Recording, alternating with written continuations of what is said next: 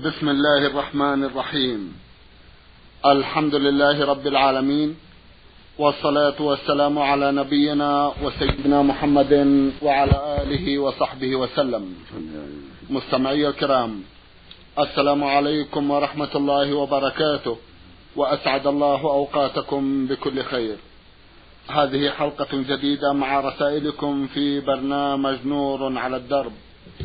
رسائلكم في هذه الحلقة نعرضها على سماحة الشيخ عبد العزيز ابن عبد الله بن باز العام لإدارات البحوث العلمية والإفتاء والدعوة والإرشاد.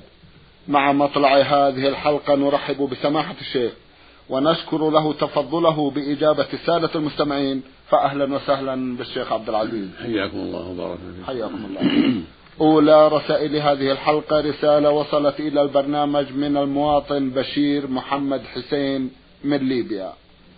أخونا بشير عرضنا جزءا من أسئلته في حلقة مضت وفي هذه الحلقة بقي له عدد من الأسئلة. في مجموعة من أسئلته يسأل عن تفسير بعض آيات من القرآن الكريم. إحداها هذا السؤال يقول فسروا لنا قول الحق تبارك وتعالى أعوذ بالله من الشيطان الرجيم. واتخذوا من دون الله آلهة لعلهم ينصرون. لا يستطيعون نصرهم وهم لهم جند محضرون. فلا يحزنك قولهم إنا نعلم ما يسرون وما يعلنون. بسم الله الرحمن الرحيم. الحمد لله وصلى الله وسلم على رسول الله. وعلى آله وأصحابه من اهتدى بهدى أما بعد فالآية واضحة في بيان حال المشركين الذين بعث فيهم عليه الصلاة والسلام من قريش وغيرهم وأنهم اتخذوا من دون الله آلهة من الأصنام والأشجار والأحجار والملائكة والأنبياء وغيرهم. فإن آلهة المشركين أنواع كثيرة. وهم فعلوا هذا لعلهم ينصرون يرجون نصرهم يرجون شفاعتهم. كما قال جل وعلا عنهم في آية أخرى ويعبدون من دون الله ما لا يضرهم ولا ينفعهم ويقولون هؤلاء شفعاؤنا عند الله. يعني شفعاؤنا في نصرهم لنا وإعانتهم لنا على أعدائنا وفي شفاء مرضانا وفي غير ذلك. وقال في الآية الأخرى في سورة تنزيل الزمر ما نعبدهم إلا ليقربونا الله زلفى فهم عبدوهم لينصروهم ويقربوهم ويشفعوا لهم. ثم بين سبحانه أنهم لا يستطيعون نصرهم. هذه الآية ما تستطيع نصرهم. ولا نصر نفسه أيضا.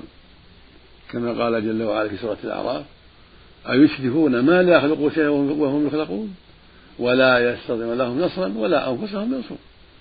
فهم لا يستطيعون نصر عابديهم ولا نصر أنفسهم.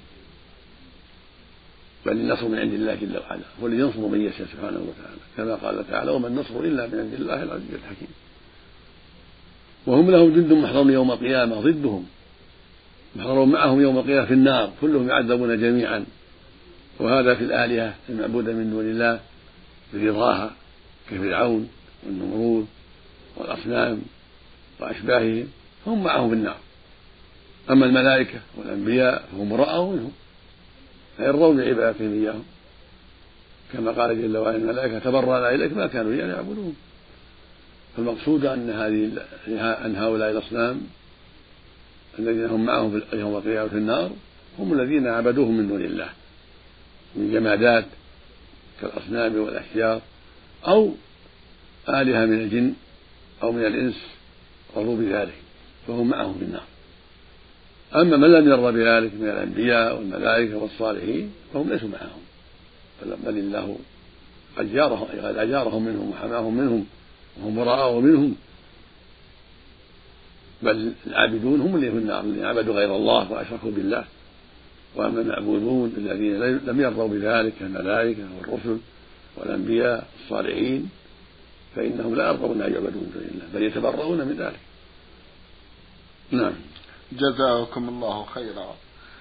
سماحة الشيخ من محاسن الأقدار أن سماحتكم استشهدتم بالآية من سورة الزمر وأخونا يسأل أيضا عن تفسيرها فيقول فسروا لنا قول الحق تبارك وتعالى ألا لله الدين الخالص والذين اتخذوا من دونه أولياء ما نعبدهم إلا ليقربونا إلى الله زلفى إن الله يحكم بينهم فيما هم فيه يختلفون.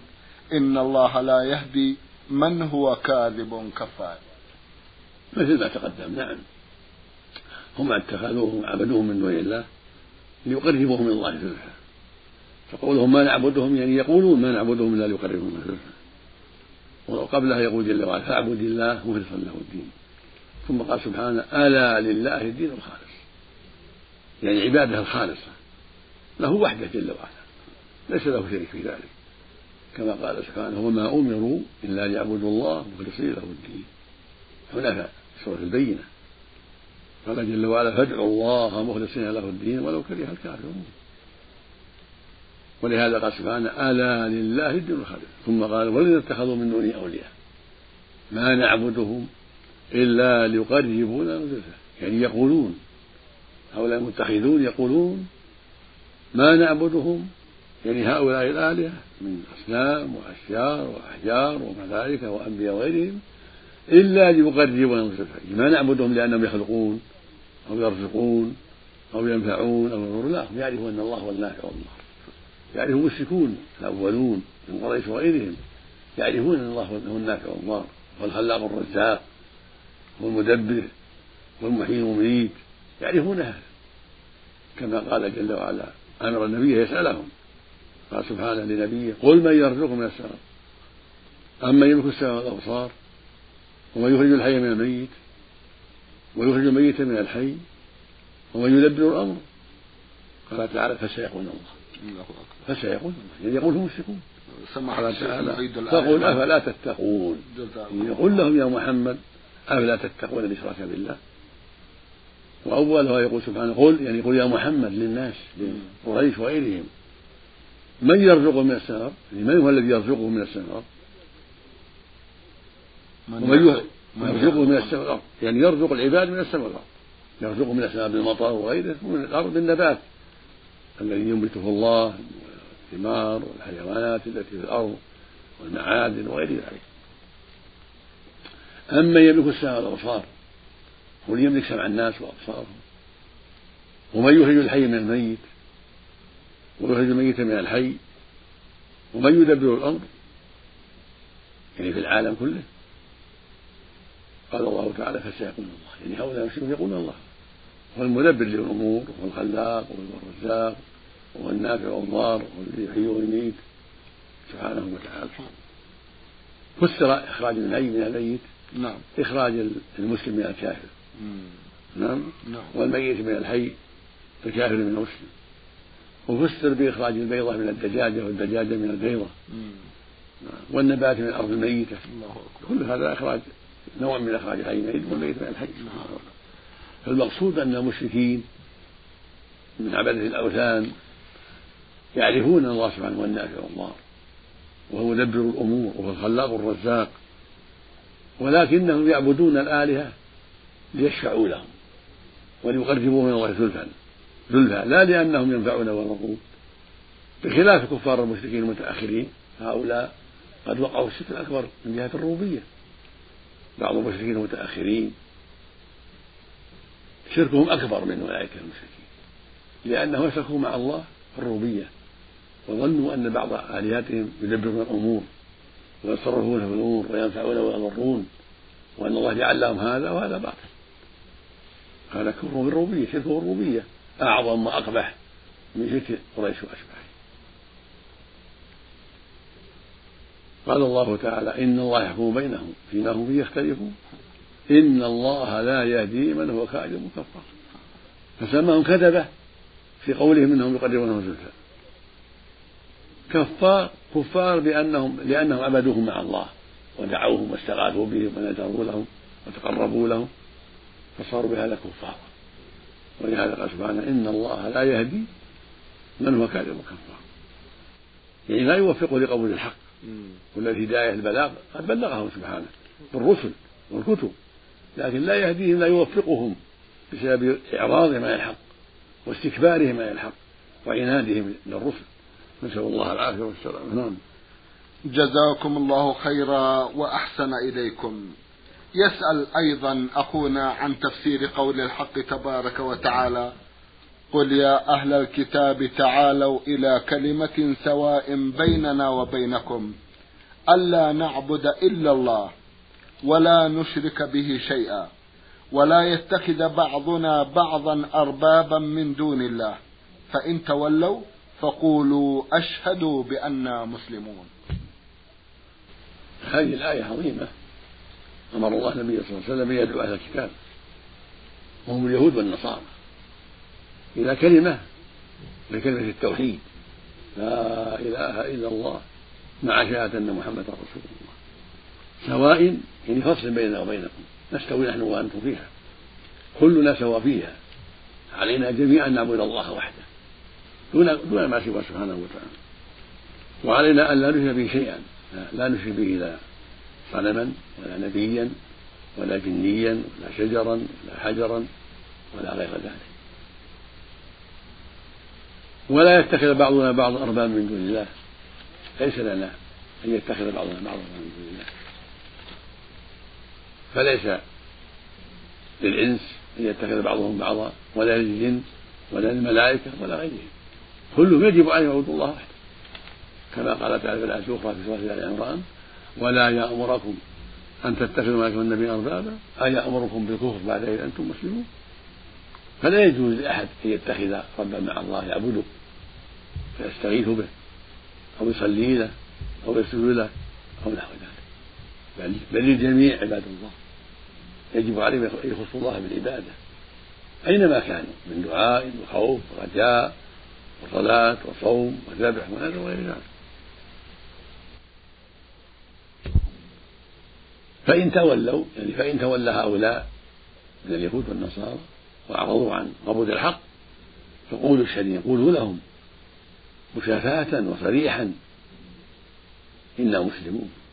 يعني اشهدوا أن مسلمون وأنتم كفار يعني اشهدوا علينا أن مسلمون يعني منقادون لله موحدون له معظمون له خاضعون له نعبده وحده دون كل ما سواه.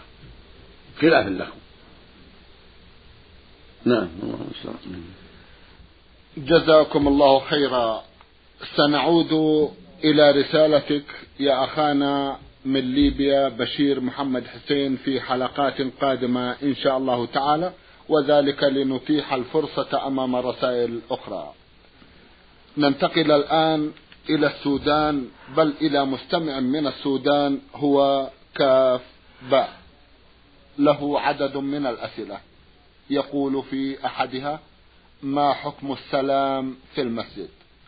وذلك أن يقول الإنسان للجالسين عند دخوله المسجد السلام عليكم ويردون عليه السلام جزاكم الله خيرا. حكم السلام أنه سنة وقربة لمن دخل على قوم في المسجد أو في أي مكان يسلم عليهم السلام عليكم. وإن زادوا رحمة الله وبركاته فهو أفضل. وهم يردون عليه مثل ما قال أو يزيدونه. قال تعالى وإذا حييتم بتحية فحيوا بأحسن منها أو ردوها. فالرد واجب مثل التحية والزيادة مستحبة. فإذا قال السلام عليكم وجب عليه أن يقولوا وعليكم السلام. فإن زادوه ورحمة الله كان أفضل وإن زادوه بركاته كان أفضل. وإذا قال السلام عليكم ورحمة الله وجب عليه أن يقولوا وعليكم السلام ورحمة الله. وإن زادوه بركاته كان أفضل فإن قال السلام عليكم ورحمة الله وبركاته وجب عليه أن يقولوا وعليكم السلام ورحمة الله وبركاته.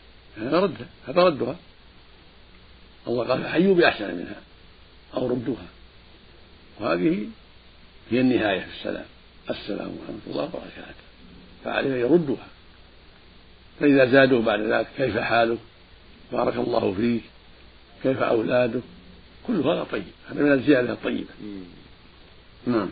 جزاكم الله خيرا. يسأل ويقول أنا أعمل ميكانيكي. ماذا أعمل إذا حضرتني الصلاة وأنا في العمل؟ هل لي أن أصلي بملابس العمل؟ وملابس العمل هذه فيها زيت وغاز وبعض الناس يقولون لا تجوز فيها الصلاة ولا يتسع لي الوقت بتبديلها. ماذا أعمل وأنا أريد صلاة الجماعة؟ أفيدونا أفادكم الله. الواجب عليك أن تصلي مع إخوان المسلمين في الجماعة. يقول النبي صلى الله عليه وسلم من سمع النداء فلم يأتي فلا صلاة له إلا من عذر. إلا ابن عباس رضي الله عنه ما هو العذر؟ قال خوف أو مرض. ولأنه عليه الصلاة والسلام لما أتاه رجل أعمى يسأله ويقول يا رسول الله ليس لي قائد يقود من المسجد. فهل لي من رخصة أن أصلي في بيتي؟ فقال له عليه الصلاة والسلام هل تسمع النداء بالصلاة؟ قال نعم قال تعجب فهذا أعمى ليس له قائد ومع هذا يأمره أن يجيب المؤذن ويحضر الصلاة. وعليك يا أخي أن تغير الملابس التي يتأذى منها إخوانك إذا كان فيها رائحة تؤذيهم. أما إذا كان لا تؤذيهم ما فيها رائحة تؤذيهم فصلي فيها والحمد لله. لأنها طاهرة. أما إن كان فيها روائح تؤذيهم أو أوساخ تنتقل إليهم إلى من جوارك تنتقل إليه الأوساخ فلا بدلها. أعد ثياب إذا أذن المؤذن تلبسها وتذهب إلى الصلاة. وعليك أن تتقي الله في ذلك. هذا أمر عظيم هذه عمود الإسلام الصلاة عمود الإسلام. فلا بد من العناية بها. أعظم واجب وأهم واجب بعد الشهادتين هذه الصلاة. يقول فيها النبي صلى الله عليه وسلم رأس الأمر الإسلام وعموده الصلاة. ويقول فيها عليه الصلاة والسلام من حافظ عليها كانت له نورا وبرهانا ونجاة يوم القيامة. ومن لم يحافظ عليها لم يكن له نور ولا برهان ولا نجاة. وحشر يوم القيامة مع فرعون وهامان وقارون وأبي بن خلف هذا وعيد عظيم يحشر من تركها مع هؤلاء الكفرة. لأنه ضيعها من أجل الرياسة والملك. صار شبيها بفرعون والعياذ بالله. فيحشر إلى النار يوم القيامة. وإن ضيعها بسبب الوزارة والوظيفة صار شبيها بهامان وزير فرعون فيحشر معه إلى النار يوم القيامة. وإن ضيعها بأسباب المال والشهوات صار شبيها بقارون تاجر بني إسرائيل الذي حمله كبره وبغيه على ترك الحق. فيحشر معه إلى النار يوم القيامة. وإن ترك الصلاة من أجل التجارة والبيع والشراء صار شبيها بأبي بن خلف تاجر أهل مكة الذي قتله النبي صلى الله عليه وسلم يوم أحد كافرا فيحشر معه إلى النار يوم القيامة. الواجب على العامل ميكانيكي أو غيره الواجب عليه يصلي مع المسلمين الجماعة. وأن يلبس الملابس التي لا تؤذي الناس الطيبة السليمة ويبتعد عن الروائح الكريهة. إذا كان يتعاطى الثوم والبصل أو التدخين يحذر ذلك. حتى لا يكون في روائح كريهة وقت الصلاة. وحتى لا تكون في في, في ملابسه أوساخ تؤذي الناس. أما إن كان لا تؤذي الناس فلا بأس يصلي فيها إذا كانت طاهرة ولكن كونه يلبس ثيابا حسنة وجميلة للصلاة هذا هو الأفضل. يقول الله سبحانه يا بني آدم خذوا زينتكم عند كل مسجد. يعني عند كل صلاة. فالمشروع للمؤمن عند الصلاة يلبس ملابس الحسنة. يتوجه المسجد ملابس الحسنة مع إخوانه لأن يقوم بين يدي الله. نسأل الله للجميع التوفيق. نعم. اللهم آمين. جزاكم الله خيرا وأحسن إليكم. من الأخ المستمع محمد صبحي محمود كرم مدرس مصري رسالة بدأها على النحو التالي. بسم الله الرحمن الرحيم. الحمد لله. ونصلي ونسلم على نبينا ورسولنا محمد بن عبد الله وآله ومن والاه. إلى العلماء الكرام والقائمين على برنامج نور على الدرب. السلام عليكم ورحمة الله وبركاته.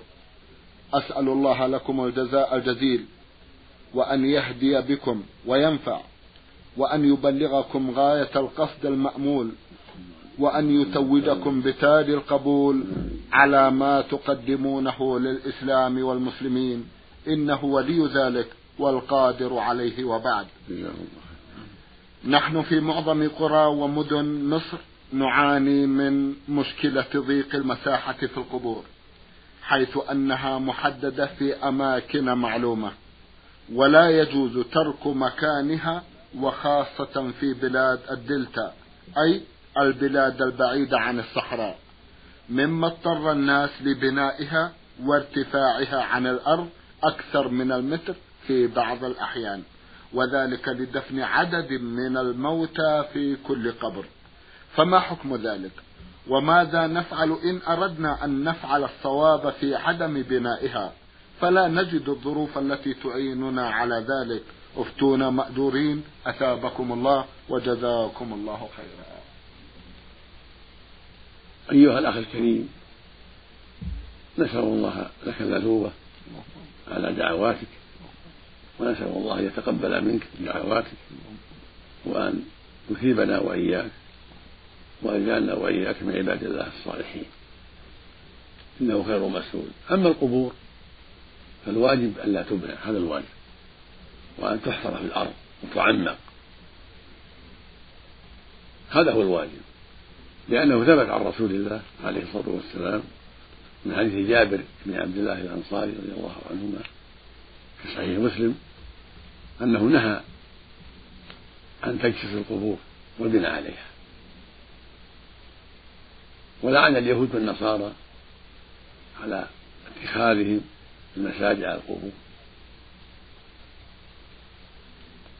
وأخبر أنهم شرار الخلق بهذا العمل وهو البناء على القبور واتخاذ المساجد عليها. فالواجب على أهل الإسلام في مصر وفي غير مصر.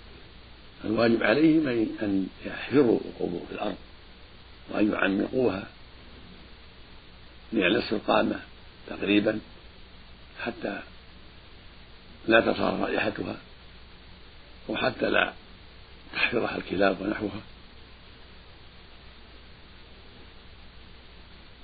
فإذا كانت البلد ليس فيها محل الحفر لأنها صلبة حجرية فلا حرج.